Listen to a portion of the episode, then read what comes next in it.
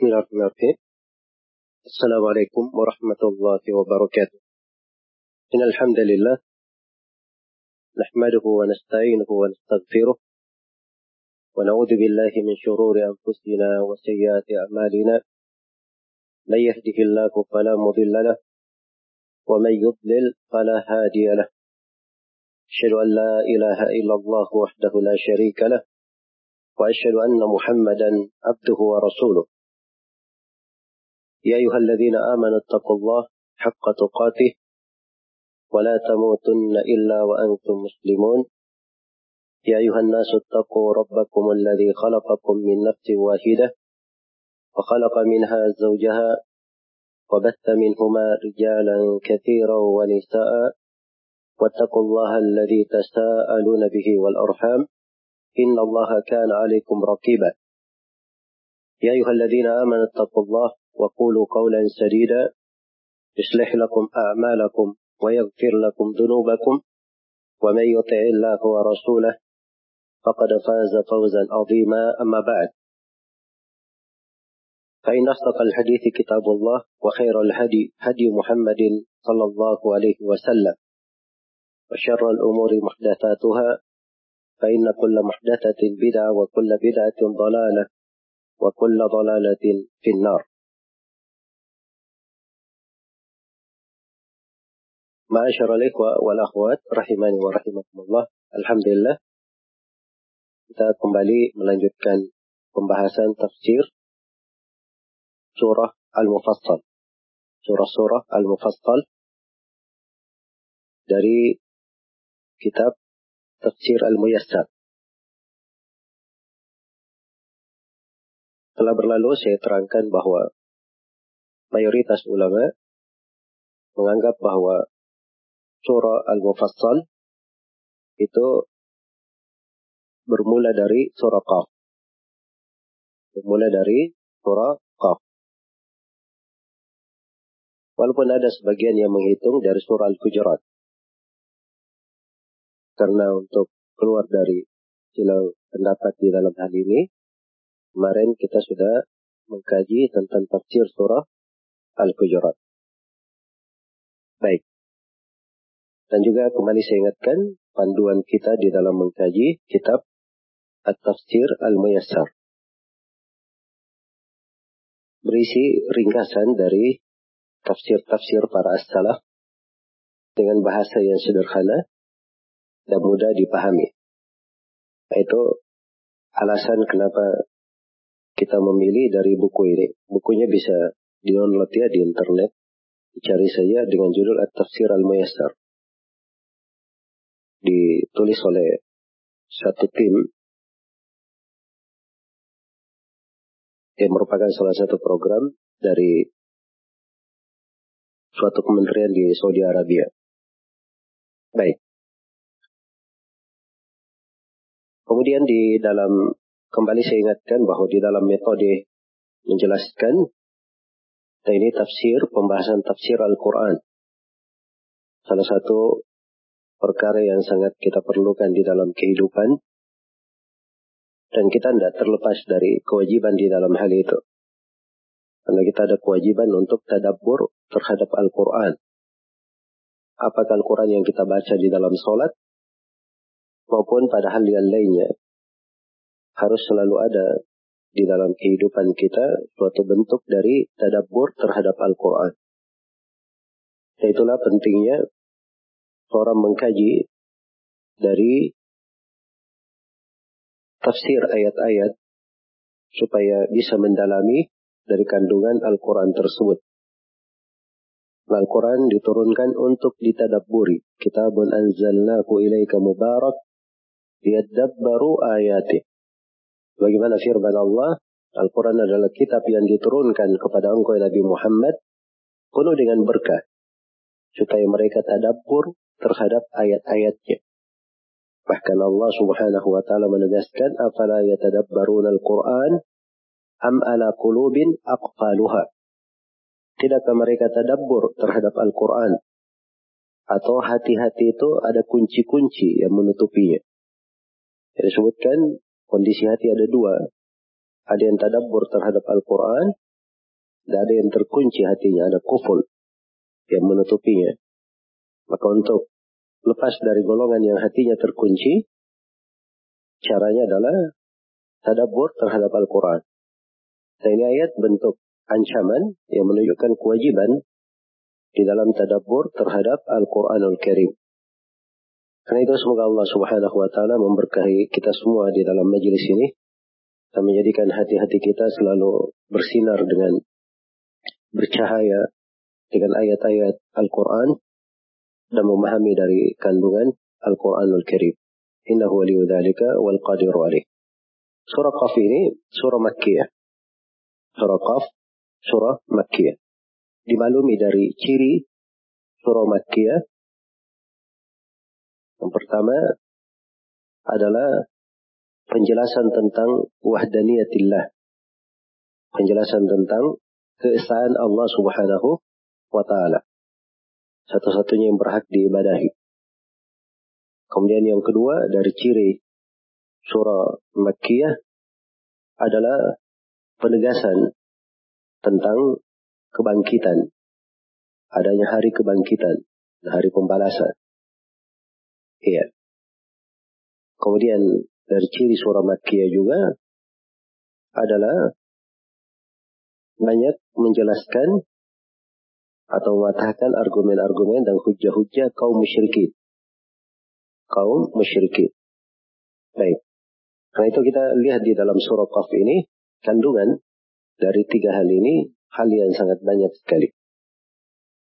Dan surah Qaf ini banyak dibaca oleh Nabi Shallallahu Alaihi Wasallam. Ya, banyak dibaca oleh Rasulullah Sallallahu Alaihi Wasallam di khutbah Jumatnya. Sampai sebagian sahabat ada yang menghafal surah ini dari mulut Rasulullah Sallallahu Alaihi Wasallam. Mereka menghafalnya di mimbar Jumat.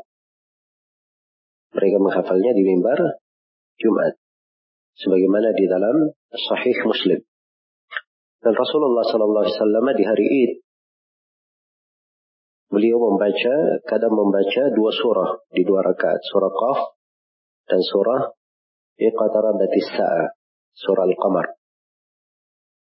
Surah Al-Qamar. Di antara ulama dia mengatakan bahwa Rasulullah SAW apabila berkhutbah, beliau membaca seluruh surah Qaf itu dari awal hingga akhir. Dan selalu diulangi. Dan di antara ulama dia mengatakan bahwa maksudnya Nabi itu banyak mengambil tema dari surah Qaf. Kandungan yang terkandung dari surah Qaf itu banyak dibaca di hari Jumat. Sehingga para sahabat saking banyaknya diulangi tema-tema pembahasan di surah Qaf, banyak dari mereka yang menghafalnya. Iya. Dan memang tema pembahasan di surah Qaf ini sangat banyak dan luas sekali mengingatkan banyak perkara. Ada pembahasan tentang keagungan Al-Quran, ada pembahasan tentang bukti dari uh, hari kebangkitan, ada pembahasan tentang bagaimana dibinasakannya umat-umat terdahulu, ada pembahasan tentang apa namanya yang mencatat di kanan dan di kiri ada pembahasan tentang sakaratul maut ada pembahasan tentang surga tentang neraka tentang hari kebangkitan. Iya. Di awal dan di akhirnya penjelasan tentang keagungan Al-Quran. Baik. Karena itu surah ini sangat patut untuk kita kandungi dan kita perhatikan dari pelajaran-pelajaran yang terdapat di dalamnya. Baik. Sebagaimana biasa ya metode saya menjelaskan, saya akan baca dulu dari tafsir surah Al-Muyassar. Ada ayat-ayat yang akan kita kaji. Dan kadang saya lengkapi dengan beberapa ukilan dari penafsiran as-salaf di dalam tafsir ringkas. Biasanya saya ambil dari tafsir Al-Bagawi dan tafsir Ibnu Katsir Kemudian setelah itu kita akan kembali menguraikan kandungan dan pelajaran-pelajaran yang bisa dipetik dari ayat. Baik. Surah ini dimulai dengan Bismillahirrahmanirrahim. Sudah berlalu bersama kita pembahasan terkait dengan uh, Bismillahirrahmanirrahim. Apakah dia ayat di awal setiap surah atau dia adalah ayat tersendiri yang berfungsi untuk memisahkan antara sebuah surah dengan surah yang lainnya. Iya. Dan yang kedua ini itu yang uh, dikuatkan oleh sejumlah ulama muhakkikin bahwa Bismillahirrahmanirrahim itu tidak termasuk dari surah tersebut. Tapi dia adalah ayat tersendiri yang memisahkan antara sebuah surah dengan surah yang lainnya. Baik, dan sudah berlalu penafsiran Bismillahirrahmanirrahim. Kemudian di ayat yang pertama dikatakan qaf wal Qur'anil Majid. Qaf demi Al-Quran yang Majid. Demi Al-Quran yang Majid. Al-Majid bisa diartikan yang mulia dan bisa diartikan yang agung. Iya. Baik. Dan kita akan jelaskan lebih mendalam nanti makna dari Al-Majid. Dikatakan di sini di tafsir Muyassar Qaf sabaq al-kalamu ala al-huruf al-muqatta'ah fi awwali surat al-Baqarah. Qaf ini qaf dari huruf-huruf muqatta'ah, huruf yang apa namanya? Uh, terpisah-pisah disebutkan di awal-awal surah. Ya. Seperti di awal surah Al-Baqarah Alif Lam Mim. Kan begitu. Yang disebut huruf muqatta'ah. Makanya cara membacanya itu terpisah. Alif Lam Mim. Jadi dibaca terpisah. Ya. Ini untuk surah surah-surah yang didahului dengan huruf al-muqatta'ah. Baik, dan dimaklumi dalam Al-Quran ya, surah-surah yang di awalnya dengan huruf al-muqatta'ah tersebut. Dan letak silam pendapat di tengah para ulama tentang huruf-huruf al-muqatta'ah ini. Iya. Dan yang benarnya bahwa huruf al-muqatta'ah, huruf-huruf yang berada di depan ini, alif lam mim, alif lam mim sad, alif lam ra, atau kaf ha ya ain sad taha ya hamim qaf sad ini semuanya huruf-huruf pada datnya tidak ada makna tersendiri pada datnya tetapi dia punya makna secara global yang diinginkan darinya iya bahwa ini surah-surah dimulai dengan huruf-huruf. Huruf-huruf dari kalimat bahasa Arab. Kalimat bahasa Arab. Dan itu dipakai oleh orang-orang Arab. Tapi bersamaan dengan itu, kalian tidak mampu mendatangkan Al-Quran semisal dengan itu. Iya. Karena itu umumnya, huruf-huruf Al-Muqatta ini datang di dalam ayat-ayat setelahnya penjelasan keagungan Al-Quran. Kemudian tantangan terhadap kaum musyrikin. Tantangan terhadap kaum musyrikin. Baik, itu kalimat yang paling ringkas tentang mana huruf al-muqatta'ah. Jadi kalau ada yang bertanya apa artinya qaf? Qaf huruf hijaiyah, qaf. Pada datnya, qaf itu sendiri tidak ada makna tertentu. Tetapi apa fungsinya ada berada di awal setiap surah, Jawabannya itu adalah tantangan terhadap kaum musyrikin. Mereka itu orang-orang yang sangat fasih dalam bahasa Arabnya. Bersama dengan itu, Al-Quran ini terdiri dari huruf-huruf itu tadi. Dan mereka tidak mampu mendatangkan yang semisal dengannya. Mereka tidak mampu mendatangkan yang semisal dengannya. Ini menunjukkan bahwa Al-Quran itu adalah wahyu dari Allah subhanahu wa ta'ala. Baik. Jadi itu secara global ya di dalam hal ini saya tidak memperpanjang. Nah, pada setiap pembahasan yang seperti ini, terkadang kita ketemukan sebagai ahli tafsir menyebutkan kalimat-kalimat atau makna-makna yang terkait. Baik. Kemudian kata di tafsir Mayassar dikatakan aqsamallahu ta'ala bil Qur'anil Karim bil majdi syaraf. Allah Subhanahu wa taala bersumpah. Allah Subhanahu wa taala bersumpah dengan Al-Qur'anul Karim. Dengan Al-Qur'an di Al-Quran ini Al-Karim dia sangat karim mulia bil majdi yang memiliki keagungan wasyaraf dan kebesaran. Iya. Baik. Jadi Al-Majid itu sendiri, kata Al-Majid, Al-Majid, itu memiliki beberapa makna. Bisa bermakna Al-Karim yang luak, yang sangat dermawan, sangat mulia. Dan bisa bermakna Al-Azim yang sangat agung. Yang sangat memiliki kemuliaan. Dan bisa bermakna yang sangat luas. Di dalam keagungan dan kemuliaannya. Iya. Nah, ini sumpah ya. Allah bersumpah demi Al-Quran Al-Majid. Iya. Demi Al-Quran Al-Majid. Demi Al-Quran yang agung dan mulia di sisi Allah Subhanahu wa taala yang sangat banyak kebaikannya. Dan sangat banyak kebaikannya.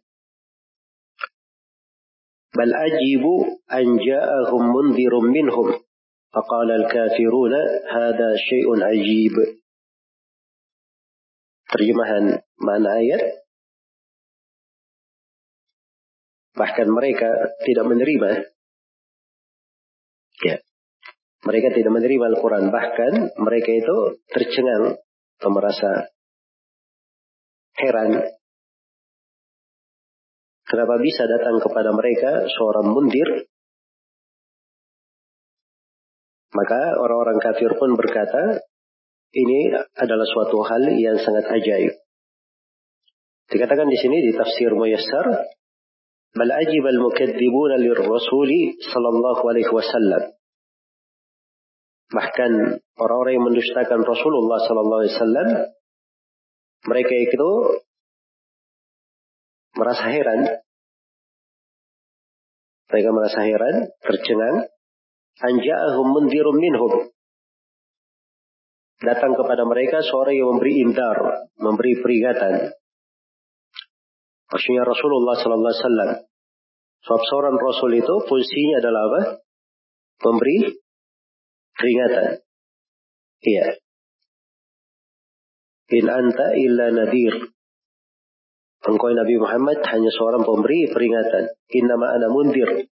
Sungguhnya hanya saya hanyalah seorang mundir yang memberi peringatan. Itu tugas, salah satu tugas dari para nabi dan para rasul memberi peringatan kepada kaumnya. Memberi peringatan kepada kaumnya. Mem mengingatkan dari apa? Yundiruhum iqab Allah. Mengingatkan mereka dari siksaan Allah subhanahu wa ta'ala. Iya. Jadi itu para nabi diutus oleh Allah menjelaskan kepada mereka tauhid, menerangkan kepada mereka jalan menuju kepada sorga, dan dari rahmat dan kasih sayang untuk mereka diterangkan kalau mereka menyelisihi jalan tersebut maka ada siksaan Allah yang akan dituai terhadap siapa yang menyelisihi jalannya para nabi dan para rasul. Tapi apa yang dilakukan oleh orang-orang kafir, faqala al-kafiruna billahi wa rasulihi hada syai'un mustaghrabun yuta'ajjabu minhu. Tapi ternyata orang-orang kafir dan kafir kepada Allah dan kafir kepada Rasulnya, mereka berkata ini adalah sesuatu yang asing. Suatu hal yang aneh dan mengherankan. Suatu hal yang aneh dan mengherankan. Iya. Kemudian di ayat setelahnya aida mitna wa kunna turaba dalika raja'un ba'id. Mereka berkata, iya. Jadi ketika diingatkan kepada mereka akan ada siksaan Allah kalau mereka berpaling, mereka berkata, Aida mitna, apakah ketika kami telah mati, wa kunna turaban, dan kami sudah menjadi tanah, apakah kami mau dikembalikan lagi? Dalika raja'un ba'id. Ini adalah pengembalian yang sangat jauh, maksudnya tidak mungkin. Katakan di tafsir Bayasar, Aida mitna wasirna turaban, apabila kami telah mati dan kami sudah berubah menjadi tanah, Kaifa yumkinu ruju'u ba'da dhalika ila ma kunna alaih? Bagaimana mungkin kami kembali lagi kepada hal yang kami berada di atasnya? Nah, ini jawaban orang-orang kafir ketika diingatkan tentang siksaan Allah apabila mereka menyelisihi jalannya para rasul. Mereka menganggap bahwa kehidupan dunia itu sekali saja, tidak ada hari kebangkitan. Tidak ada hari kebangkitan. Setelah itu mereka berkata, bagaimana mungkin kami dikembalikan lagi? Seperti kondisi kami sekarang ini. Bagaimana mungkin kami dihidupkan lagi sebagaimana kami hidup sekarang ini. Mereka katakan, Dalika raja'un baidul wuku. Itu adalah pengembalian yang sangat jauh terjadinya. Maksudnya sangat jauh terjadinya, tidak mungkin terjadinya. Iya. قد علمنا ما تنقص الأرض منهم وعندنا كتاب حفيظ Kemudian Allah Subhanahu wa taala berfirman, "Qad alimna sungguh kami telah mengetahui matang kusul ardu minhum apa yang dihancurkan oleh bumi dari tubuh-tubuh mereka. Wa indana kitabun hafiz dan pada sisi kami pun ada kitab yang menjaganya, memeliharanya. Katakan di tafsir Muyassar, "Qad alimna ma tanqusul ardu wa tufni min ajsadihim min ajsamihim." Kami sudah mengetahui bagaimana bumi itu menghancurkan mereka dan membuat mereka sirna dari jasad-jasadnya. Itu mana Bagaimana bumi mengurangi mereka. Ya, kalau bahasa ayatnya kan kalau terjemah satu-satu, tangkus artinya mengurangi. Ya, mengurangi mereka. Maksudnya bumi itu memakan jasad-jasad mereka. Bumi memakan jasad-jasad mereka. Baik. Indana kitabun hafiz. Jadi Allah subhanahu wa ta'ala jawab kaum musyrikin yang mengatakan tak mungkin dibangkitkan. Allah firman kami sudah tahu bahwa bumi itu akan mengacat jasad-jasad mereka. Akan menghancurkan mereka. Iya. Nah ini pembahasan terkait dengan manusia secara umum ya. Adapun para nabi dan para rasul jasad-jasadnya tidak dimakan oleh bumi. Dan manusia secara umum itu yang dimakan jasadnya seluruh dari jasad kecuali sesuatu yang disebut dengan nama ajabud danab, tulang ekornya. Tulang ekornya. Itu memang tidak hancur bersama dengan bumi pasti masih ada yang tersisa dari hal tersebut. Jelas ya? Baik. Jadi ini kalimat umum. Jadi setiap orang yang mati itu jasadnya dimakan oleh bumi. Nah ini bahasa yang dibahasakan oleh kebanyakan ahli tafsir. Dan sebagian ulama yang mengatakan bahwa maksudnya bumi mengurangi mereka, artinya yang hidup di atas muka bumi. Karena yang hidup ini pasti dia akan mati. Mati maka dia berkurang. Dia berkurang. Baik. Wa kitabun hafid. Dan di sisi kami ada kitab yang mencatat. Dikatakan di sini, wa indana kitabun mahfud minat tagir wa tabdil wa bikulli ma yajri alaihim fi hayatihim wa ba'da mamatihim. Bahkan di sisi kami ada kitab yang terjaga dari pergantian dan perubahan. Iya. Jadi ada kitab yang sudah mencatat bikulli ma yajri alaihim segala hal yang terjadi di hayatihim di kehidupan mereka ba'da mamatihim setelah mereka mati. Dan ini buku tidak mungkin berganti. Tidak pernah berubah. Ini kitabun hafid. Jadi hafid ini bisa diartikan Hafid dia mencatat segala amalan yang mereka lakukan, segala mereka, amalan yang mereka kerjakan. Dan hafid bisa bermana mahfud. Bermana apa? Mahfud. Adalah kitab yang dijaga. Adalah kitab yang dijaga. Tidak ada perubahan di dalamnya. Jadi kalau antum baca tafsir Muyassar ini kalimatnya terlihat sederhana ya. Tapi dia gabungkan dua penafsiran as-salaf di dalam kalimat ini. Dikatakan bahwa ini kita ada kitab mahfud. Terjaga dari pergantian dan perubahan. Ini salah satu penafsiran. Hafid bermana apa? Bermana mahfud. Dan itu ada dalam bahasa Arab. Isim fa'il bermana maf'ul.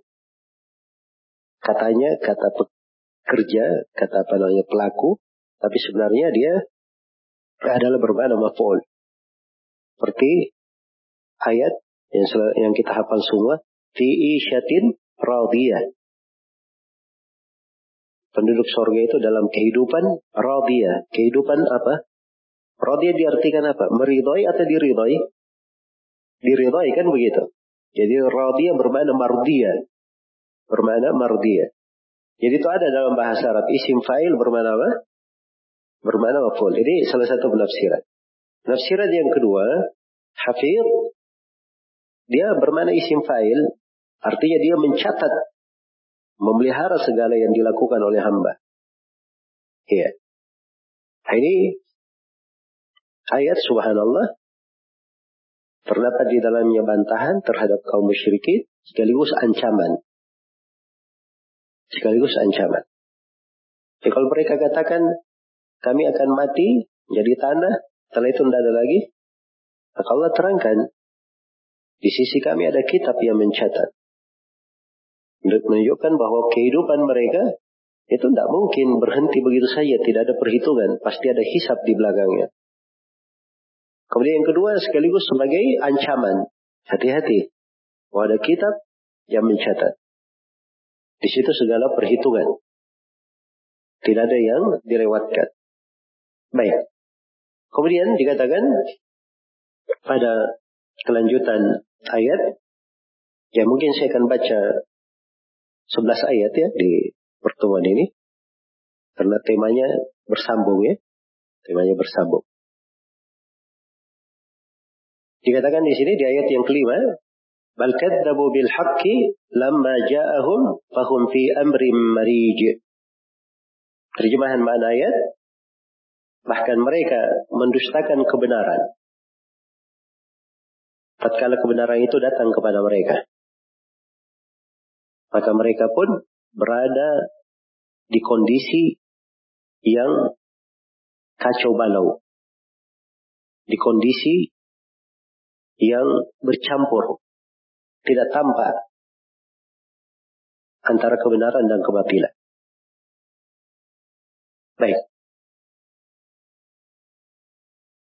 Di ayat yang kelima ini dikatakan di tafsir Muyassar, "Bal kadzdzaba haula'il musyrikuna bil Qur'an." Bahkan mereka kaum musyrikin itu sebenarnya yang mereka lakukan adalah mereka mendustakan Al-Qur'an. Nah, itulah al-haq. Salah satu nama Al-Quran, Al-Quran disebut dengan nama apa? Dengan nama Al-Haq. Al-Quran itu banyak sifatnya ya. Banyak sifatnya. Salah satunya disebut dengan al-haq. Ya, karena dia kebenaran dari Allah Subhanahu wa taala. Baik. Mereka mendustakan Al-Qur'an. Begitu Al-Quran datang kepada mereka, mereka mendustakannya. Maka apa yang terjadi? Mereka pun berada di dalam perkara yang kacau balau, centang perenang, tidak tampak hal yang jernih di situ dari hal yang kotor. Iya. Fahum fi amri muttarib mukhtalid. Mereka berada dalam perkara yang kacau, goncang, dan bercampur. La yathbutuna ala syai' wala yastakiru lahum qarar. Mereka tidak bisa teguh di atas sesuatu. Dan tidak ada sesuatu yang tetap bagi mereka. Ya, ini nanti kita akan terangkan ya. Akibat berbaring dari Al-Quran itu seperti itu. Akan membuat orang itu kacau. Kacau di dalam hidupnya, kacau dalam cara berpikirnya, kacau dalam segala hal. Baik. Kemudian di ayat yang keenam, iya, setelah dibantah pernyataan kaum musyrikin, Allah Subhanahu wa taala terangkan di antara kebesaran dan keagungannya yang bisa menjadi penggugah hati mereka supaya mereka memahami bahwa hari kebangkitan itu benar adanya. Afalam yanzuru ila sama. Tidakkah mereka melihat kepada langit fauqahum di atas kepala mereka? Kaifa banainaha? Bagaimana kami membangunnya?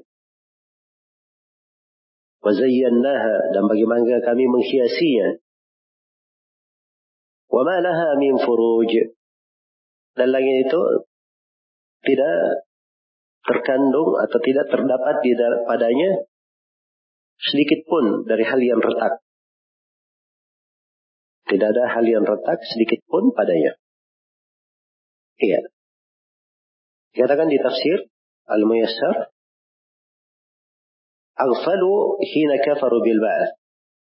Orang-orang yang kafir terhadap hari kebangkitan ini, mereka itu lalai. Orang-orang yang berada di dalam apa? Kelalaian, tenggelam di dalam kelalaian. Kenapa?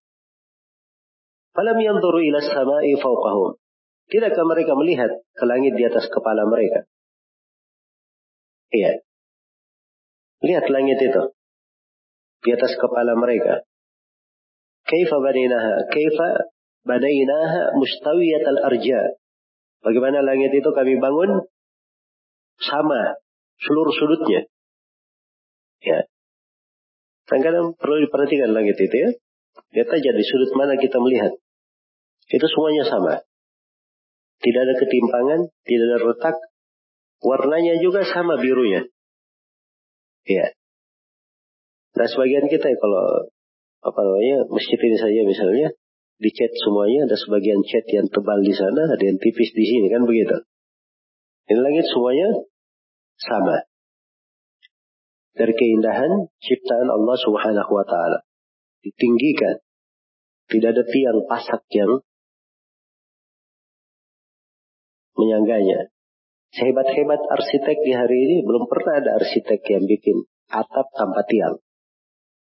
Hah? Kalau tanpa tiang tengah betul ada. Kalau tanpa tiang itu belum pernah ada. Atap tanpa apa? Tanpa tiang. Ini langit dengan sedemikian besarnya tanpa tiang. Iya. Nah ini dari keagungan dan kebesaran ciptaan Allah. Wazayyannaha. Ya. Sabitat al-bana bina dan dia kukuh pembangunannya. Wazayyannaha bin nujum dan kami hiasi langit itu dengan bintang-bintang. Kami hiasi langit itu dengan bintang-bintang. Ya subhanallah, langit ini luar biasa. Wa ma laha min furuj dikatakan wa ma laha min syuquq wa futuq. Iya. Fahiya salimatun min tafawut wal uyub. Tidak ada pecahan-pecahan. Tidak ada retakan-retakan. Akan langit ini bersih dari tafawut dari apa namanya perbedaan-perbedaan wal uyub dan bersih dari aib. Bersih dari kekurangan. Selamat dari kekurangan.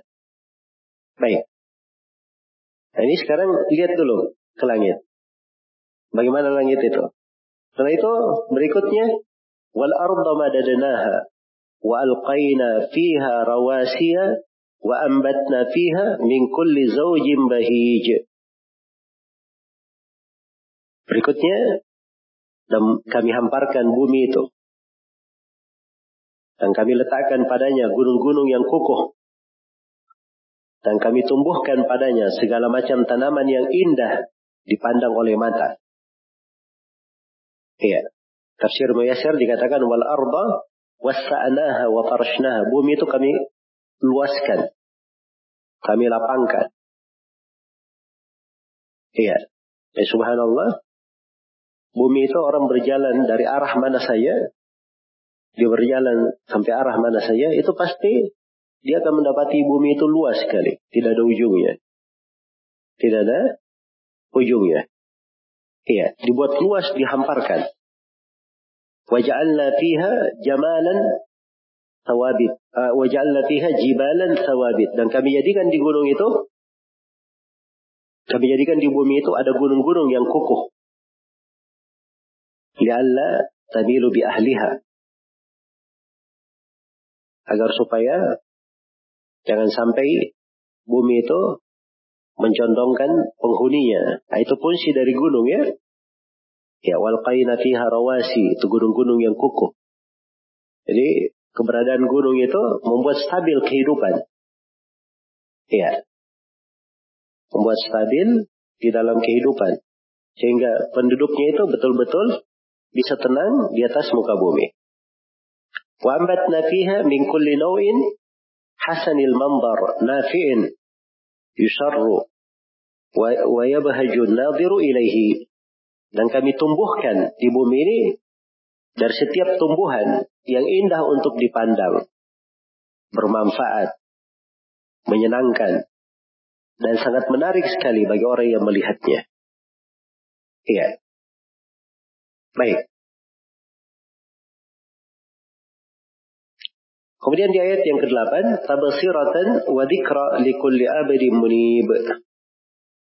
Untuk menjadi pelajaran dan peringatan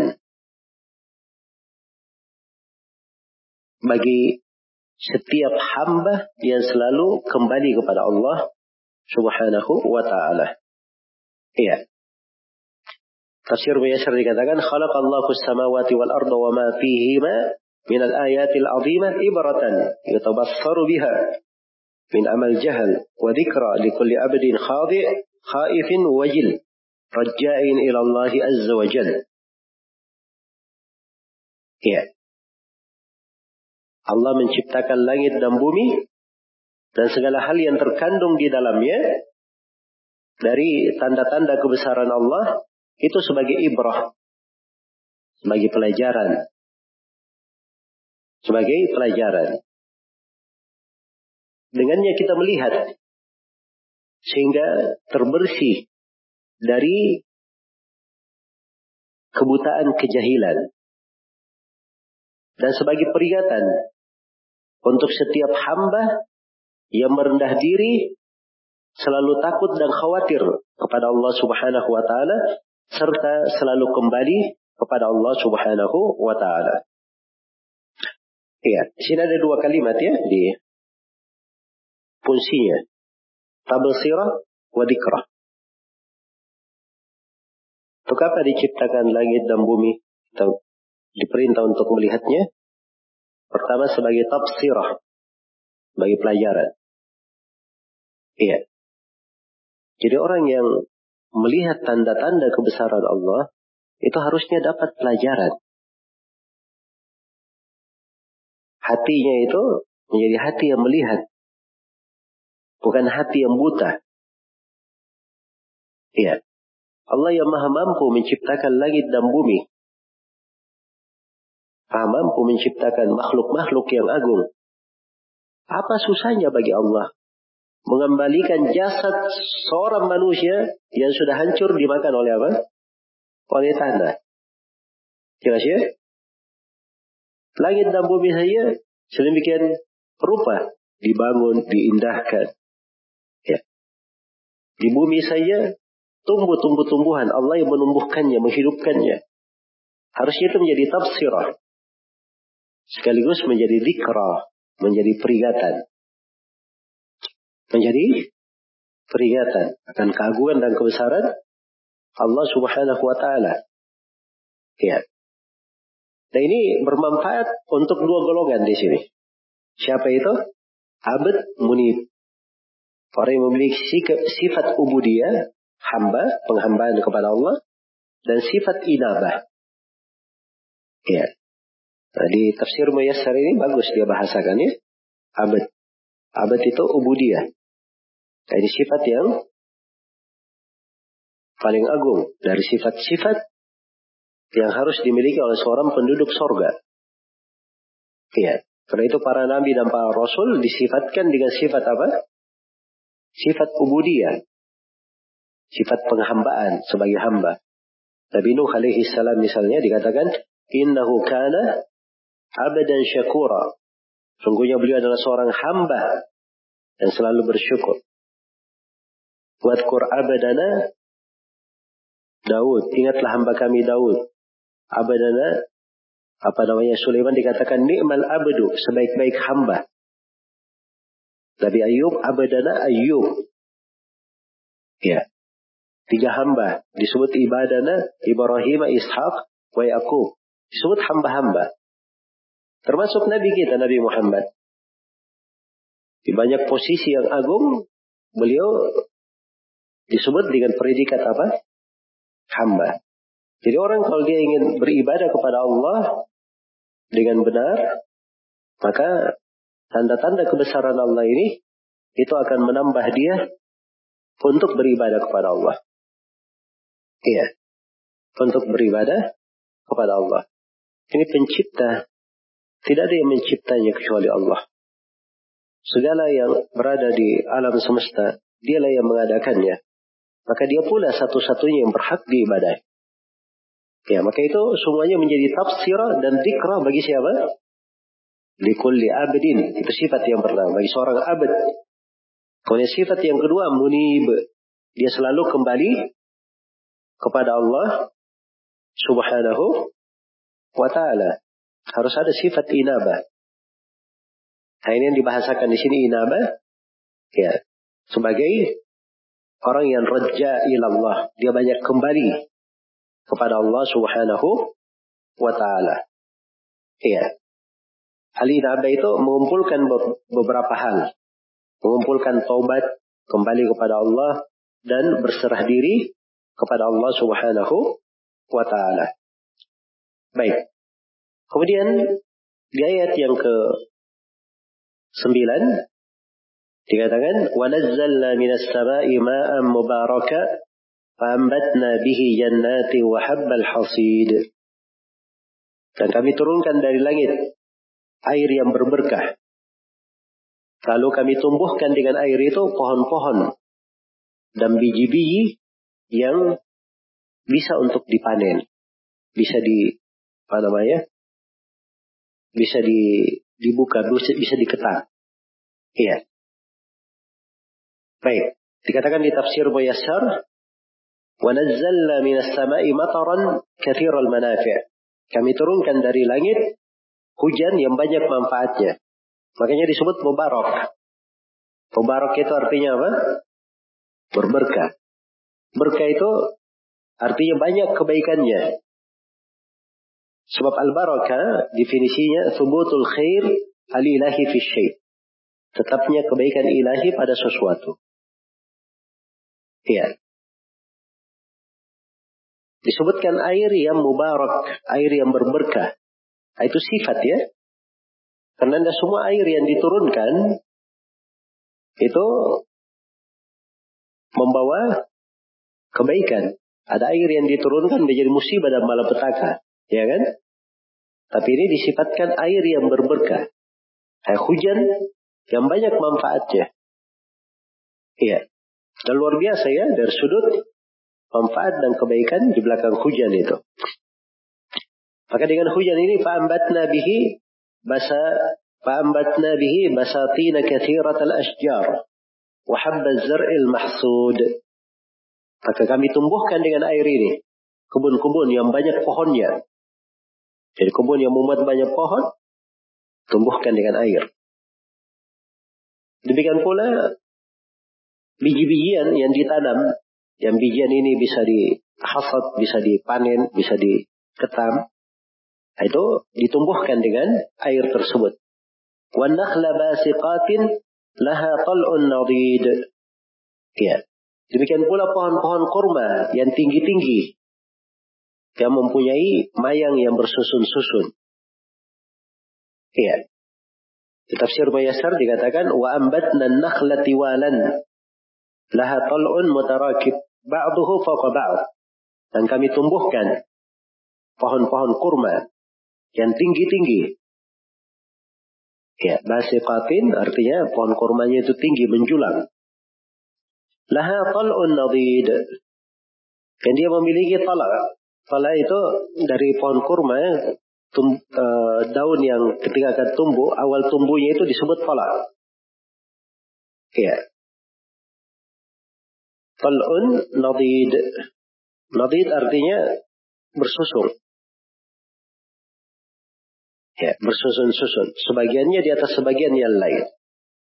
Sebagiannya di atas sebagian yang lain. Ya. Untuk apa seluruh hal itu? Katakan rizqan lil ibad. Sebagai rezeki untuk hamba-hamba kami.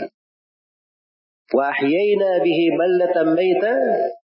Dan kami hidupkan dengannya. Dengan air itu tanah yang kering. Tanah yang mati. Kadalikal khuruj. Nah, ini ujungnya yang diinginkan. Dari semua apa yang telah dijelaskan. Seperti itulah terjadinya kebangkitan. Jadi kalau mereka mengingkari kebangkitan, perhatikan itu. Bagaimana Allah turunkan air dari langit berberkah, dihidupkan tumbuhan-tumbuhan, pohon-pohon kurma, kebun-kebun. Menjadi rezeki bagi mereka. Mudah bagi Allah untuk menghidupkan mereka kembali. Demikian pula kalian akan di apa? Akan dikeluarkan. Iya. Jadi ini semuanya ayat terkait dengan satu pembahasan penjelasan bukti-bukti. Bukti-bukti kebesaran Allah yang menunjukkan dan memastikan bahwa hari kebangkitan benar-benar terjadi. Nah ini bantahan terhadap kaum musyrikin yang mengingkari hari hari kebangkitan. Dan ini semuanya dalil-dalil bisa dipahami dengan akal sehat. Semuanya melihat. Melihat langit, dia melihat bumi, dia lihat air yang diturunkan, tumbuhan-tumbuhan. Ya. Maka diingatkan hal tersebut untuk menggugah pikiran dan hati mereka. Supaya beriman kepada Allah subhanahu wa ta'ala. Baik. Jadi selesai uh, penafsiran dari apa namanya? 6 atau 11 ayat ini dari surah Qaf. Saya akan mulai dari pembahasan ayat yang pertama kita akan uraikan dari kandungan-kandungan dan pelajaran-pelajaran yang bisa dipetik dari uh, surah yang agung ini. Baik. Yang pertama di huruf al-muqatta'ah, qaf. Sudah saya terangkan ya tentang kandungan dari huruf al-muqatta'ah. Iya. Nah, ini memang salah satu dari keagungan Al-Quran. Ya, Al-Quran itu terdiri dari huruf-huruf. Alif, Lam, Mim, Sod, ya. Kaf, Ha, Ya, Ain, Sod, Toha, Mim, ya. Hamim, itu huruf-huruf dikenal oleh orang Arab. Dari bahasa mereka, huruf yang mereka pakai tapi bersama dengan itu, mereka tidak bisa mendatangkan Al-Quran yang semisal ini. Iya. Tidak mampu mendatangkan Al-Quran dan semisal dengan itu. Baik. Kemudian, setelah itu datang sumpah. Wal Quranil Majid. demi Al-Quran yang penuh dengan keagungan dan kemuliaan. Allah Subhanahu wa taala bersumpah dengan Al-Quran. Ya. Jadi bersumpah dengan Al-Quran. Ini sumpah ya. Sumpah. Menunjukkan keagungan dan kebesaran Al-Quran. Dan Allah subhanahu wa ta'ala itu bersumpah dengan dirinya, dengan nama-nama dan sifat-sifatnya. Allah subhanahu wa ta'ala bersumpah dengan sebagian dari makhluk-makhluknya. Ya. Allah subhanahu wa ta'ala apabila bersumpah dengan sesuatu, maka itu dari hal yang menunjukkan keagungan dan kebesaran Allah subhanahu wa ta'ala. Baik.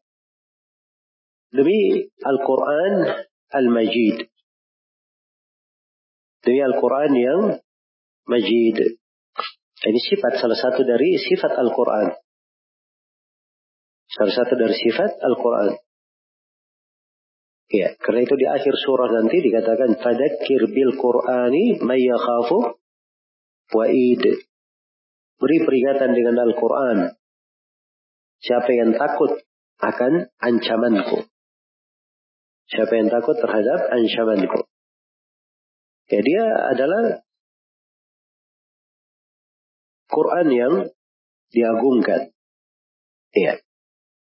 Jadi kalau di sudut persifatan majid itu artinya luas sekali. Keagungannya luas. Ya, dari kemuliaannya banyak sekali sifat kemuliaannya. Banyak sekali dari sifat kemuliaannya. Baik. Dari Asmaul Husna, nama Allah Al-Majid.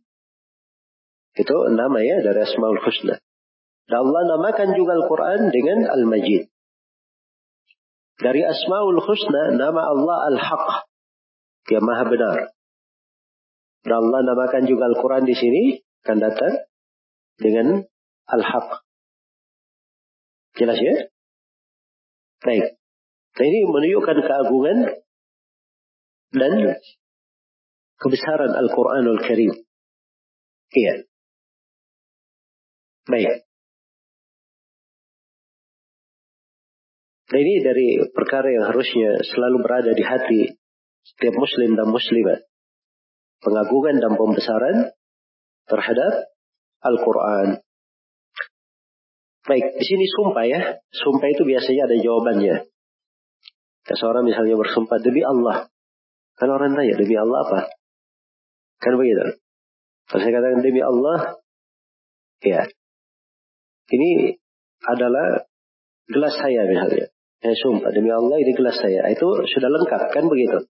Jadi ada sumpahnya, ada jawaban untuk hal yang dia bersumpah dengan dia. Di sini jawabannya mana? Allah bersumpah dengan Al-Quran. Jawabannya di mana? Ini fikih di dalam memahami sumpah-sumpah di dalam Al-Quran. Iya. Baik. Ibn Al-Qayyim di Ilam Al-Muwakkid dan sudah dibukukan buku khusus ya oleh Ibn Al-Qayyim boleh sebutkan jenis-jenis sumpah di dalam Al-Quran. Jenis-jenis sumpah di dalam Al-Quran. Dan sebagian sumpah itu beliau terangkan itu tidak ada jawabannya. Karena sudah dimaklumi dari konteks pembicaraan. Apa yang dimaksudkan dengan sumpah. Ya. Jelas ya? Dan itu yang dipandang oleh sejumlah ulama terkait dengan sumpah pada ayat ini. Wal Qur'anil Majid sama dengan di surah Sad.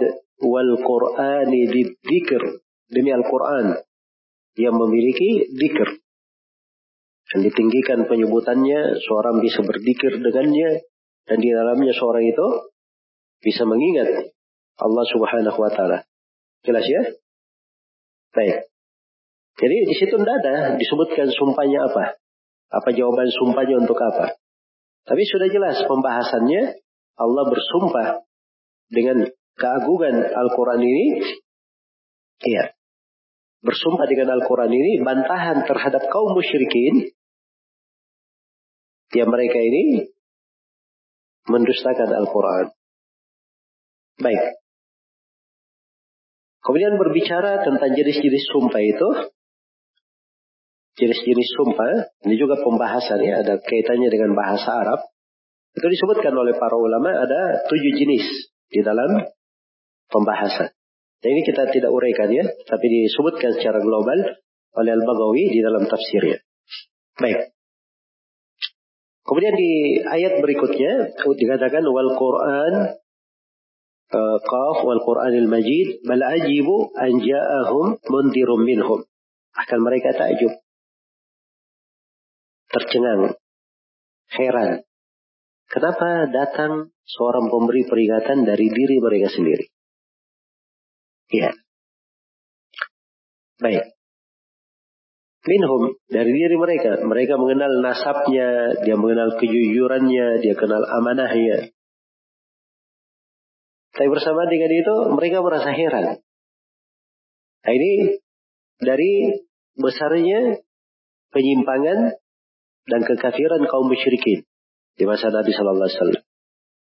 Nabi Muhammad itu dari mereka, ya, dari nasab mereka, mereka kenal kejujuran dan amanahnya. Dari kecil digelari Al-Amin. Dari muda digelari Al-Amin. Dikenal as sebagai As-Sadiq dari kecilnya. Tidak ada catatan jelek sama sekali terhadap beliau. Tumbuh di tengah mereka. Tapi bersamaan dengan itu, mereka menganggap itu hal yang mengherankan. Hal yang mengherankan. Ya. Faqala al-kafiru Faqala al-kafirun hada syai'un ajib. Maka orang-orang kafir berkata, ini sesuatu yang menakjubkan. Iya. Itu kekafiran seperti itu ya. Hal yang keluar dari jalan itu membutakan hati. Membutakan hati. Terhadap hal-hal yang jelas. Sama di kehidupan ini. Matahari terbit di siang bolong. Tapi orang yang buta matanya dia akan selalu melihat, mengatakan, ini kita di kondisi gelap. Ya kan? Padahal matahari terbit di siang bolong. Tapi kalau dia sendiri buta, tidak bisa melihat. Nah, itulah kekafiran. Menghalangi seseorang untuk bisa melihat. Bisa melihat. Dan membawanya untuk bersombong. Dan keras kepala. Iya.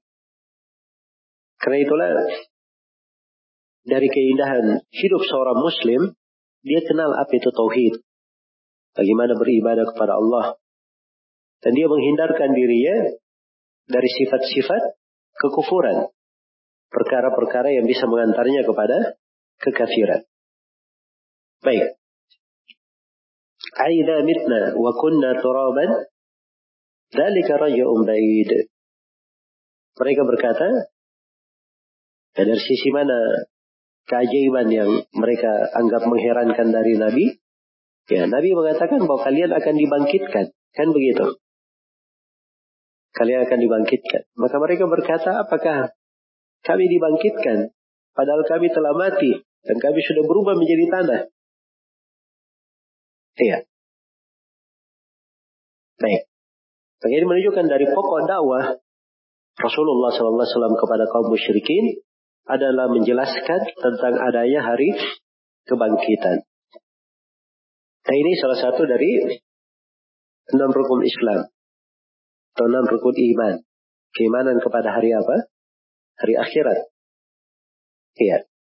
Nah itu dari pokok keislaman dan keimanan di dalam beragama. Karena itu siapa yang kafir terhadap hari kebangkitan, maka dia belum masuk ke dalam Islam. Belum memeluk agama Islam.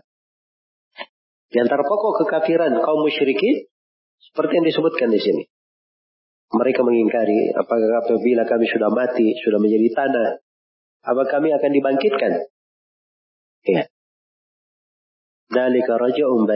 Mereka katakan, pengembalian kami dibangkitkan lagi dari mati menjadi hidup, itu adalah hal yang jauh. Terjadinya itu perkara yang jauh. Ya. Atau bahasa lainnya perkara yang mustahil. Perkara yang mustahil. Itu ucapan mereka. Jadi kalau disebut alasan, ada alasannya. Kenapa mereka mengingkari hari kebangkitan? Alasannya, masa kita sudah mati, sudah menjadi tanah, bisa dibangkitkan lagi? Nah, itu kan alasan namanya. Ya kan? Baik. Jadi, orang yang berada di atas kebatilan, orang yang berada di atas kekafiran, itu punya dalil. Merasa punya apa? Punya alasan. Ya jangan menganggap ya orang yang apa namanya berada di atas kebatilan itu tidak ada dalilnya, tidak ada alasannya. Kadang dia punya alasan.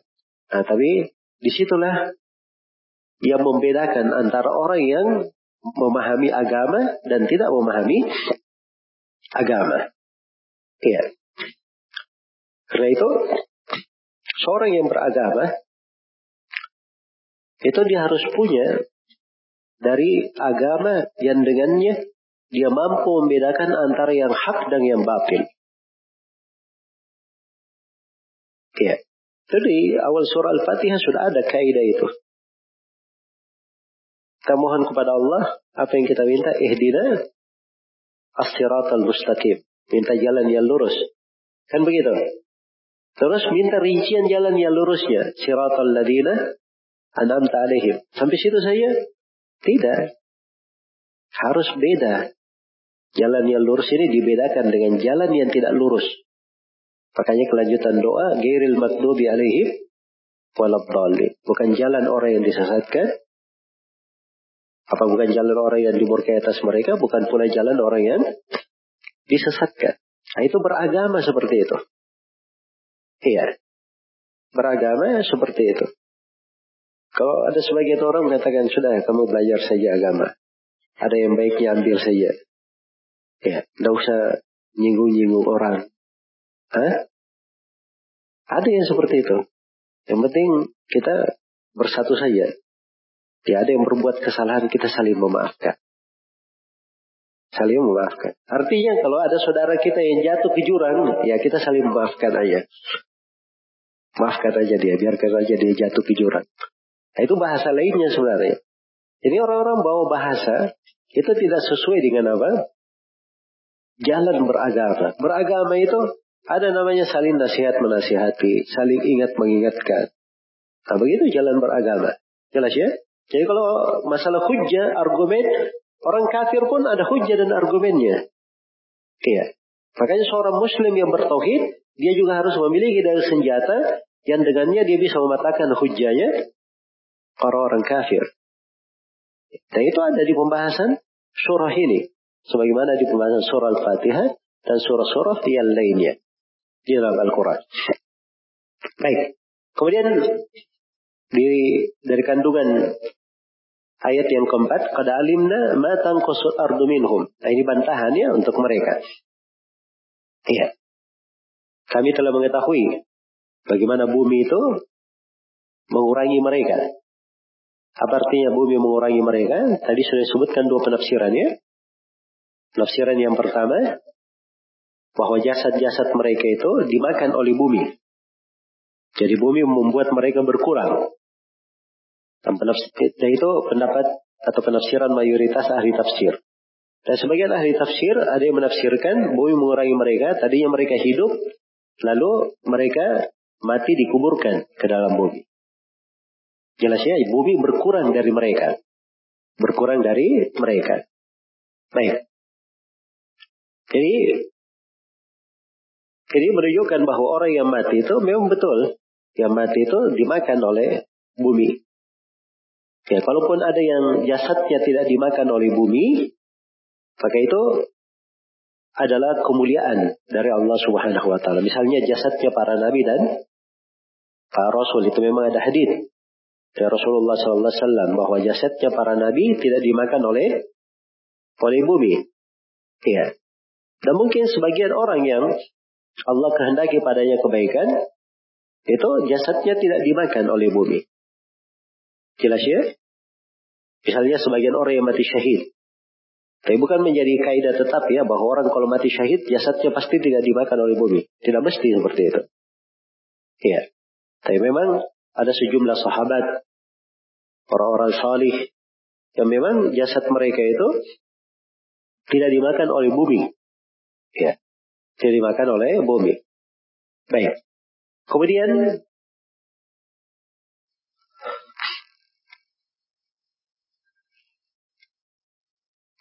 Wa indana kitabun hafir. Dan di sisi kami ada kitab yang hafir. Hafid tadi ada dua makna ya. Hafid bermakna apa?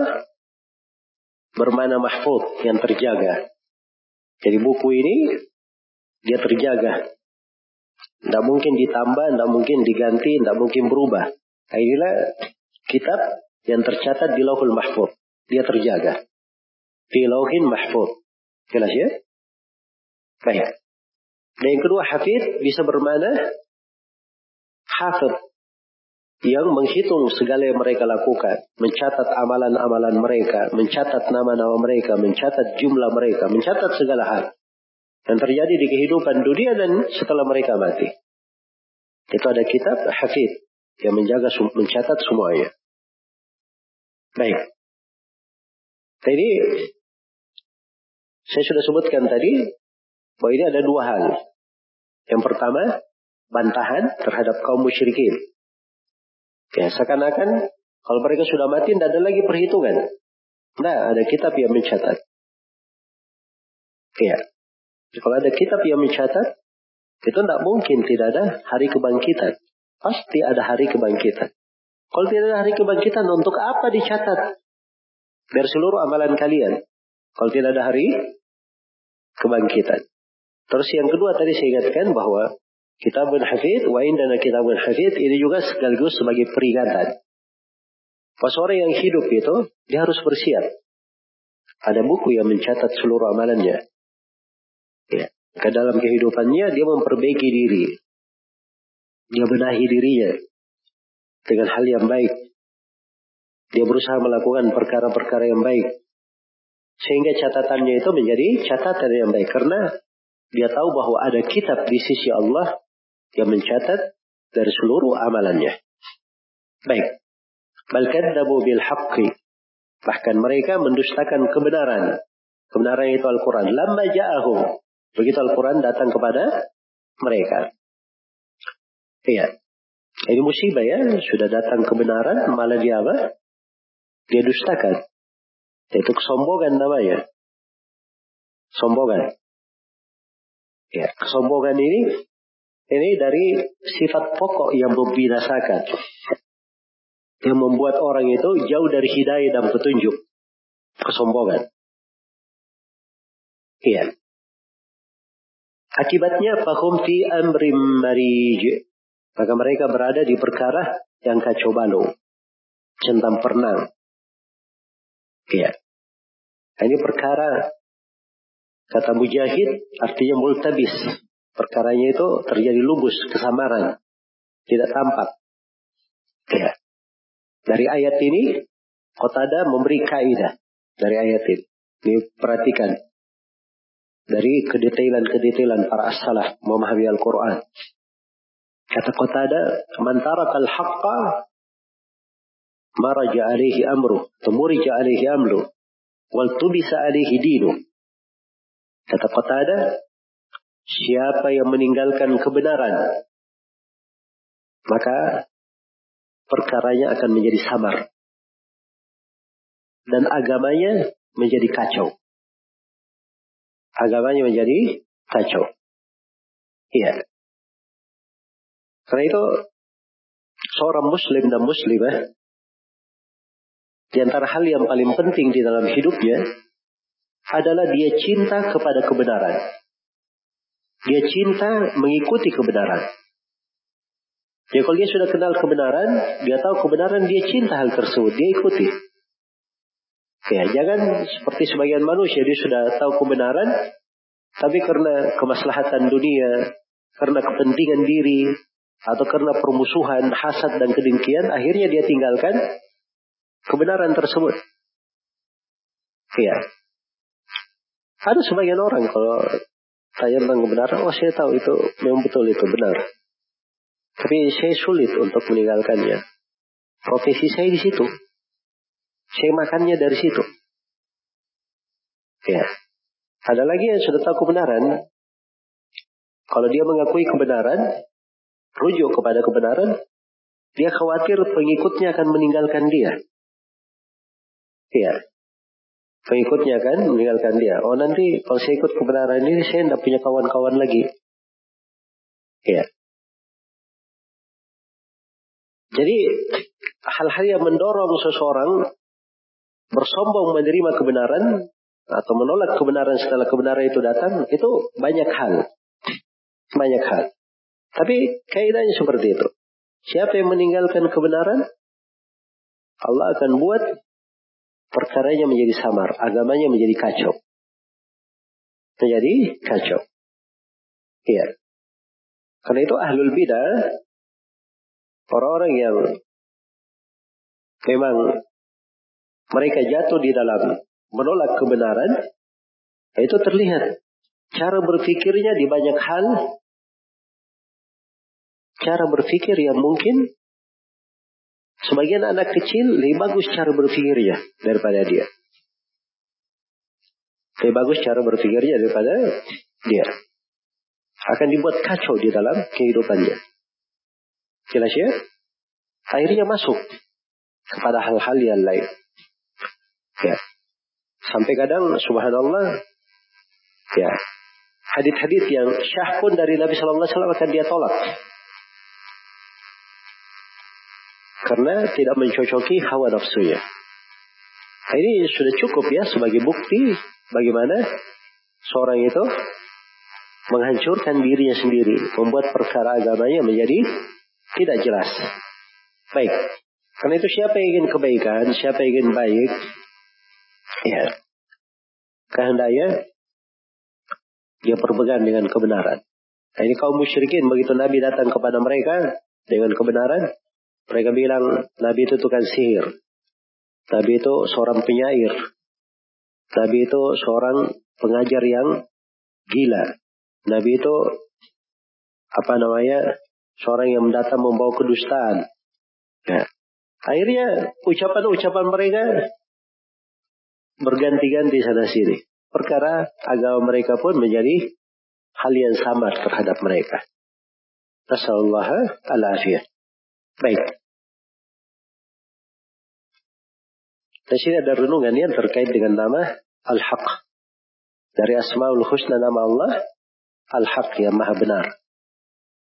Allah jadikan Al-Quran dengan nama Al-Haq juga, nah benar.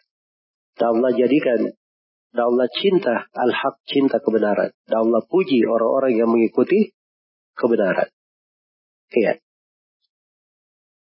Kemudian di ayat yang keenam, afalam yanzuru ila samai fawqahum kaifa baninaha wa zayyanaha wa ma laha min furuj. Ini ayat-ayat kalau kita apa namanya baca di surah yang lainnya ini terurai lebih lengkap. Jadi bagaimana bumi itu di atas kepala, ya bagaimana dibangunnya. Berbagai ayat ya bercerita tentang apa langit ya di atas kepala bagaimana dibangun. Ya, di berbagai tempat disifatkan tentang langit itu dalam Al-Quran. Wazayyanaha demikian pula zina untuk langit. Wa malaha min furuj.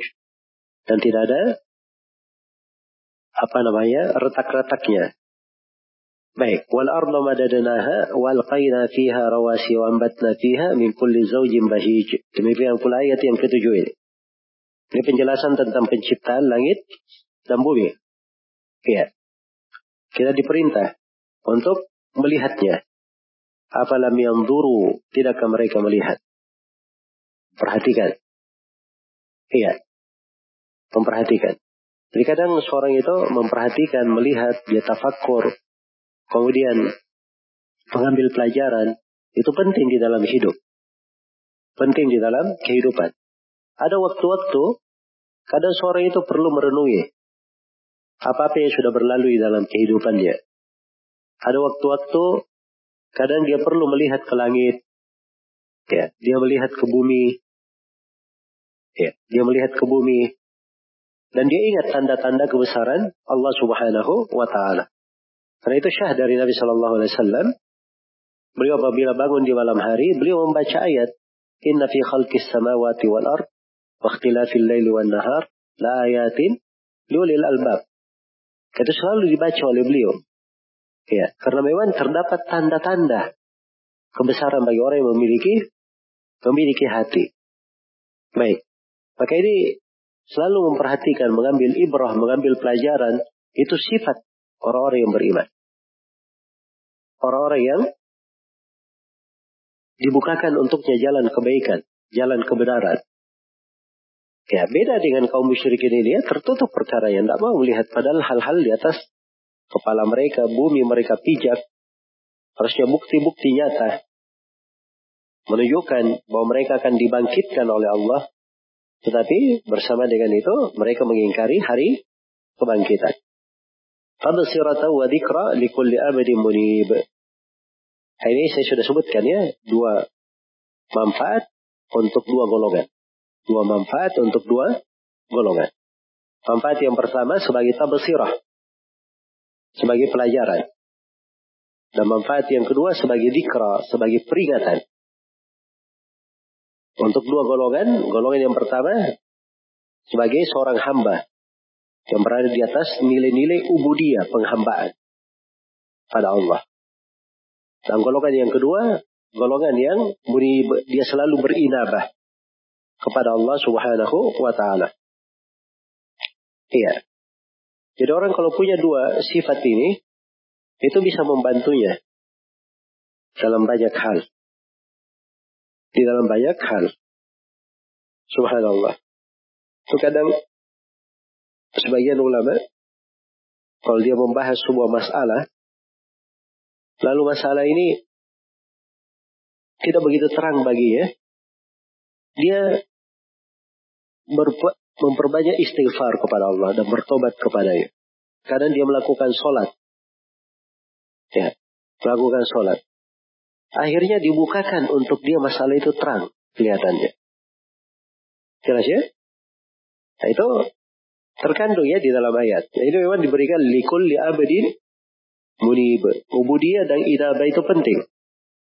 Dia tegakkan penghambaan dan selalu dia kembali pada Allah. Dengan bertobat kepadanya, beristighfar, memohon ampunan. Itu hal-hal yang bisa melapangkan dia di dalam di dalam kehidupannya dan membukakan untuk dia berbagai pintu kebaikan. Iya. Kemudian diterangkan di sini tentang bagaimana air diturunkan dari langit, ditumbuhkan dengannya uh, kebun-kebun, ditumbuhkan dengannya biji yang bisa dipanen. Kemudian bagaimana pohon korma yang tinggi menjulang, yang keluar darinya mayang yang bersusun-susun, Dikatakan rizqan lil ibad. Sebagai rizki bagi hamba. Sebagai rizki bagi hamba. Ya. Ini pembahasan rizki. Salah satu pembahasan menarik juga ya dalam Al-Quran. Sudutnya banyak ini pembahasan rizki. Karena rizki itu ada rizki yang bersifat umum. Bersyirikat padanya seluruh makhluk. Jin dan manusia kafir maupun muslim. Dan ada rezeki itu bersifat khusus. Rezeki yang bersifat khusus hanya diberikan untuk orang-orang yang beriman saja. Diberikan untuk orang-orang yang beriman saja. Ini bahasa ayat ini terkait dengan bahasa umumnya rezeki untuk semuanya. Wahyayna bihi baldatan. Dengan air ini kami hidupkan negeri yang tadinya sudah mati. Perhatikan negeri yang kering, gersang, tidak ada tumbuhan.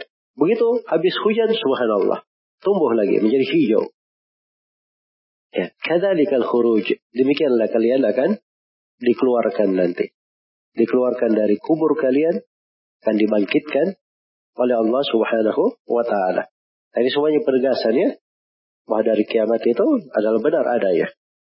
Nah hubungannya setelah itu datang penjelasan tentang umat-umat yang mendustakan dan bagaimana mereka dibinasakan. Nah, ini ancaman. Ya, ini luar biasa surah Qaf ini di dalam menggugah hati dan membuat hati itu takut kepada Allah. Membuat hati itu takut kepada Allah Subhanahu wa taala. Karena itu wajar ya kalau banyak diulangi oleh Rasulullah Sallallahu Alaihi Wasallam. Baik, mungkin ini yang bisa kita kaji dari pertemuan kita di pagi hari ini. Nah, untuk bahasan-bahasan yang lainnya, insya Allah Taala kita akan uh, lanjutkan pada pertemuan dua pekan yang akan datang. Wallahu taala alam. Baik, saya jawab pertanyaan-pertanyaan.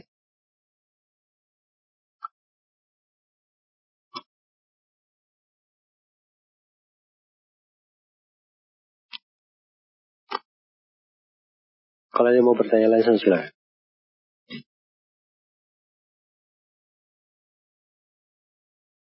Hmm? وإننا كتاب حفظ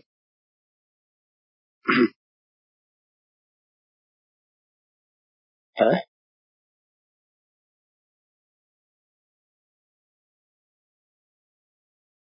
Ya. Yang pertama, hafid bermana mahfud. Mahfud yang terjaga. Dan terjaga itu segala hal yang dicatat. Di dalam lauhul mahfud. Nah itu yang dikatakan hafid bermana mahfud. Termasuk Al-Quran. Al-Quran masuk di dalamnya. Iya, semua catatan amalan, takdir, apa semuanya termasuk. Itu lahul mahfud, kitabun hafid. Tafsiran yang kedua, kitabun hafid, kitab yang mencatat seluruh amalan yang dilakukan oleh hamba. Jelas ya? Baik. Mohon nasihatnya kepada orang tua atau keluarga kami yang sudah mengenal sunnah, belajar akidah. Namun subhanallah belakangan ini mereka enggan hadir di majelis-majelis ilmu syar'i mereka kembali kepada lingkungan lamanya. Baik ini mungkin ada hal-hal yang perlu dirapikan ya di kalau ada kejadian-kejadian yang seperti itu itu namanya perkara yang kalau diterapi harus dipelajari apa sebabnya. Apa sebabnya? Nah, dari sebab itu kita bisa memberikan terapinya. Baik, ada kadang sebagian orang yang Masya Allah sudah mulai cinta hadir ke majelis ilmu, ingin belajar sunnah. Tapi tiba-tiba berbelok misalnya. Nah, atau tiba-tiba dia menjauh. Apa yang menyebabkannya menjauh? Nah, itu kita harus melihat apa sebabnya. Kadang di antara sebab juga di lingkungan ini sering saya ingatkan juga di lingkungan ikhwah dan akhwat. Ya, ada orang baru masuk taklim ya. Apalagi kalau pakaiannya masih pakaian, mungkin masih ada pelanggaran syariat atau pakai jilbab, jilbabnya masih irit misalnya. Hah? Kadang sebagian orang atau kadang masuk ke masjid tidak pakai jilbab. Ya. Kadang mungkin sebagian orang yang berada di majelisnya kalau dari kalangan ikhwah ada orang yang dilihat misalnya celananya masih isbal. Ya, masuk masjid masih ada bau rokoknya misalnya. Kadang pandangan matanya kurang bagus kadang. Sikapnya kurang ramah. Nah, itu tidak benar ya seperti itu. Akhwat juga. Ya, kalau lihat misalnya jilbabnya belum besar, belum pakai cadar, ya, seakan-akan dicuekin. Harusnya tidak seperti itu. Ya, kadang sebagian akhlak yang mulia itu itu wajib kita miliki untuk mendakwai orang. Bukan menjadi sunnah ya, wajib kadang kita miliki untuk mendakwai orang. Ya, dalam bentuk senyum kepada orang. Ya. Atau paling tidak kita sapa. Anggaplah saudara ini ini penuh dengan dosa. Ya, kita menyalaminya untuk kemudian berbaik muka kepadanya untuk mengajak dia kepada kebaikan itu sudah dapat pahala untuk kita sudah dapat pahala untuk apa? Untuk kita. Karena itu saya selalu ingatkan, kita jangan menjadi sebab orang itu lari dari Sunda. Iya. Kita harusnya ada andil juga di dalam mendakwai orang. Setiap orang yang hadir di majelis ilmu. Seperti itu. Nah, itu sudut yang pertama. Kadang menjadi sebab. Kadang di sebab yang lain. Mungkin orang-orang yang baru ngaji ini. Ya kebiasaan lamanya itu masih mendominasi. Dan kebiasaan lamanya belum dia apa? Diperbaiki. Jadi kecenderungan kepada kebiasaan lama itu masih mendominasi. Ya, maka ini perlu orang-orang yang menerangkan kepadanya hal yang sunnah, hal yang bagus. Kalau ada kekeliruan, perlu diterangkan sudut kekeliruannya di mana dengan cara yang hikmah dan bijaksana. Baik, sambil kita kalau memiliki keluarga misalnya yang seperti itu, kita doakan supaya diberi hidayah oleh Allah Subhanahu wa taala. Sambil kita tetap menjalin hubungan yang baik, menjaga hubungan kekeluargaan, dan berakhlak yang mulia dan membantu mereka di atas ketaatan. Wallahu taala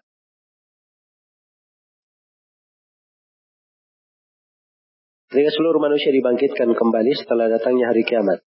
Di mana ke tempatnya itu? Apakah bumi yang sekarang ditempati atau Allah menciptakan tempat yang baru? Ya dia dibangkitkan semuanya di atas bumi ya. Di atas bumi. Tapi buminya Selain dari bumi yang ada sekarang ini. Bumi yang sudah diganti. Karena itu dalam Al-Quran dikatakan, Yawma tubaddalul ardu gairul ardi was samawat. Hari kiamat itu hari di mana bumi diganti selain daripada bumi yang ada. Demikian pula langit diganti selain daripada langit yang ada. Baik. Nah ini pertanyaan bukan hal yang terlalu penting ya dalam ilmu. Yang paling pentingnya itu apa yang kita sudah siapkan kalau kita dibangkitkan di kondisi yang seperti itu. Itu yang paling penting kita pikirkan. Apa amalan-amalan, ketaatan-ketaatan yang kita siapkan. Apabila kita menghadapi kondisi yang seperti itu. Bolehkah seorang menghafal Al-Quran tanpa ada guru tetap yang mentalkinnya? Kalau dia hafalannya hafalan yang di luar kewajiban, itu nggak ada masalah ya. Untuk motivasi mulai menghafal. Ada namanya suatu yang wajib. Yang wajib itu Al-Fatihah dan satu surah kita baca bersama Al-Fatihah. Itu wajib kita belajar dari guru. Kita belajar sendiri. Ditalkin dengan bagus. Supaya benar bacaan Al-Fatihahnya. Benar bacaan surahnya supaya sholatnya menjadi syah. Kalau baca Al-Fatihahnya tidak syah, sholatnya tidak bisa jadi syah kan begitu. Baik. Tapi kalau seorang menghafal misalnya dia menghafal sendiri, dia hafal banyak, nanti setelah itu dia talaki dari guru, ah, itu nggak ada masalah. Tidak ada masalah itu adalah perkara yang mungkin bisa membantu. Tapi kalau ingin afdalnya, memang afdalnya dia pada segala hal di dalam membaca Al-Quran itu, dia dibimbing oleh seorang guru. Karena dasarnya seperti itu. Para sahabat saya yang fasih mereka dalam berbahasa Arab, bersamaan dengan itu, mereka dengar dari bacaan siapa? Dari bacaan Nabi Shallallahu Alaihi Wasallam atau Nabi tunjuk beberapa orang sahabat. Ya, siapa yang ingin mengambil Al-Quran sebagaimana diturunkan, maka hendaknya dia baca kepada Ibnu Ummi Abdid. Maksudnya kepada Ibnu Mas'ud. Disebutkan beberapa orang sahabat. Dan memang oleh Nabi dijadikan rujukan di tengah para sahabat untuk talaki Al-Quran. Saya peserta kuliah dari kurikulum apa saja buku yang cocok untuk keluarga saya yang awal. Ya semua buku yang kita sudah ajarkan itu cocok ya untuk orang-orang yang baru belajar, orang awal. Sisa bagaimana kita mengambil materi dan memasukkannya dengan cara yang bagus ke mereka. Iya. Baik. Terkait dengan akhlak, terkait dengan adab, apalagi terkait dengan masalah-masalah besar tentang mana syahadat la ilaha illallah, ya, mana syahadat Muhammad Rasulullah, tentang rukun Islam, rukun iman. Baik. Dan itu ada di dalam kandungan materi-materi yang sudah diajarkan di kurikulum. Apakah seorang memiliki wirid harian satu juz, di mana dia hanya bisa tadabbur pada setengah juz, dan dibaca pada saat semua anaknya tidur. Lebih baik daripada membaca atau tadabbur setengah juz untuk wirid, Lalu setengah juz berikutnya dia baca dengan tadabur di hari esok. Semuanya bagus ya, semuanya bagus. Cuman seorang itu kalau dia punya kadar tertentu yang dia bisa jaga setiap hari itu lebih bagus. Lebih bagus. Dan namanya tadabur satu ayat pun setiap hari dia tadabur itu luar biasa. Satu ayat tiap hari dia perhatikan itu luar biasa. Jadi kalau dia ada selalu hubungan dengan tadabur, ada ayat-ayat yang dipelajari, ayat-ayat yang dia sudah pelajari itu adalah hal yang bagus. Baik. Saya selalu sebutkan ya ayat-ayat yang dia sudah pelajari. Jadi kalau misalnya hadir di majelis ini tafsir surah Al-Hujurat sudah berlalu pembahasannya, dia dengar dari tafsirnya selalu dia ulangi, itu hal yang baik. Hal yang baik. Kalau ayat-ayat yang lain dia baca nggak ada masalah. Maknanya kan secara umum di, bisa dilihat dari sudut mana. Tapi tadabbur itu perlu lebih daripada itu. Dia perlu memahami kandungan ayat, tafsir ayat itu di kalangan ulama. Nah itu biasanya tadabburnya akan lebih bagus. Baik. Bolehkah mendengarkan murattal sedangkan kita beraktivitas? Contohnya sedang kerja. Bolehkah menjalankan murattal untuk tidur? ya murattal itu bacaan Al-Quran ya. Al-Quran itu adalah untuk didengarkan. Ditadaburi. Itu asalnya. Tapi kalau dia mendengarkan Al-Quran atau memutar Al-Quran untuk dia tadabur dengannya, untuk mendengarkannya, atau untuk membuat rumahnya hidup dengan pikir, nah itu kan manfaat-manfaat lain. Jadi ketika dia putar Al-Quran, dia mau tidur misalnya, dia putar Al-Quran. Dia tertidur memang, tidak dengar Al-Quran. Tapi dia ingin rumahnya ada lantunan ayat-ayat Al-Quran. Itu kan boleh saja, nggak dilarang. Jelas ya? Tidak dilarang. Ya. Tapi yang yang perlu diperhatikan adalah seorang ketika ada Al-Quran diputar atau Al-Quran diperdengarkan, dia ada perhatian kepada ayat-ayat yang dia dengarkan atau diperdengarkan tersebut. Ya wallahu ta'ala ala. Baik. Selesai ya. Itu pertanyaan yang terakhir. Dan insya Allah ta'ala dengan ini berakhir di pertemuan kita di kesempatan kali ini. Mudah-mudahan ada manfaat untuk semuanya. Wallahu ta'ala alam. Subhanakallahumma wa bihamdik. Asyhadu an la ilaha illa anta ilaik. Walhamdulillahi rabbil alamin. Wassalamualaikum warahmatullahi wabarakatuh.